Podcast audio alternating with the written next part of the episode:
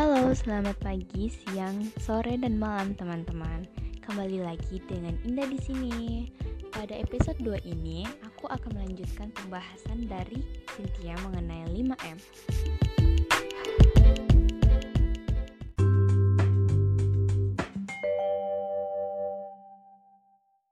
Oke, jadi M yang selanjutnya yaitu menjaga jarak. Nah, Protokol kesehatan lain yang harus dipenuhi adalah menjaga jarak. Protokol kesehatan ini dimuat dalam keputusan Menteri Kesehatan Republik Indonesia dalam Protokol Kesehatan bagi Masyarakat di tempat dan fasilitas umum dalam rangka pencegahan dan pengendalian COVID-19. Dalam keputusan Menkes ini disebutkan menjaga jarak minimal 1-2 meter dengan orang lain untuk menghindari terkena droplets dari orang yang berbicara, batuk, atau bersin. Bila tidak memungkinkan melakukan jaga jarak, maka dapat dilakukan berbagai rekayasa administrasi dan teknis lainnya.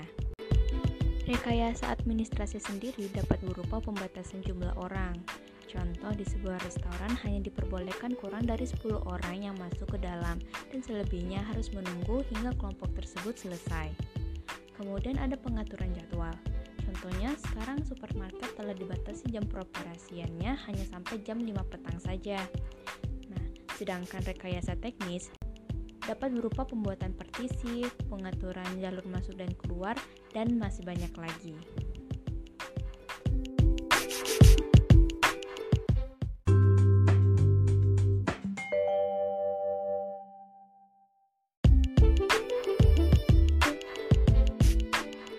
Kemudian selanjutnya yaitu menjauhi kerumunan. Selain tiga hal di atas, menjauhi kerumunan merupakan protokol kesehatan yang juga harus dilakukan teman-teman.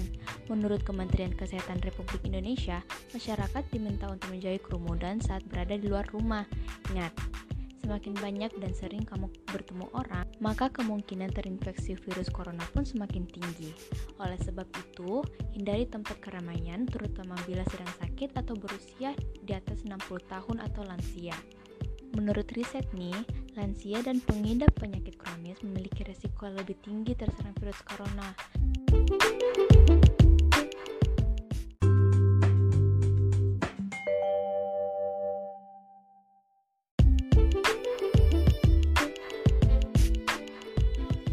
Oke, yang terakhir yaitu mengurangi mobilitas. Virus corona penyebab COVID-19 bisa berada di mana saja. Jadi, semakin banyak dirimu menghabiskan waktu di luar rumah, maka semakin tinggi pula terpapar virus jahat ini.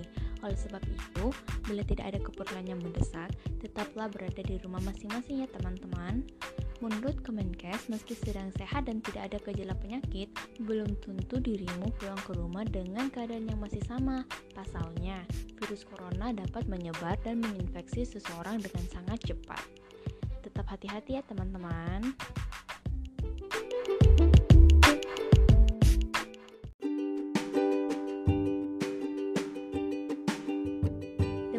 Pembahasan singkat mengenai M5 Part 2 kali ini. Aku Indah, berterima kasih kepada teman-teman yang telah menyempatkan untuk mendengarnya. Semoga bermanfaat. Tetap sehat dan aman dengan memenuhi seluruh protokol kesehatan 5M ya. Sampai jumpa di episode lainnya. thank you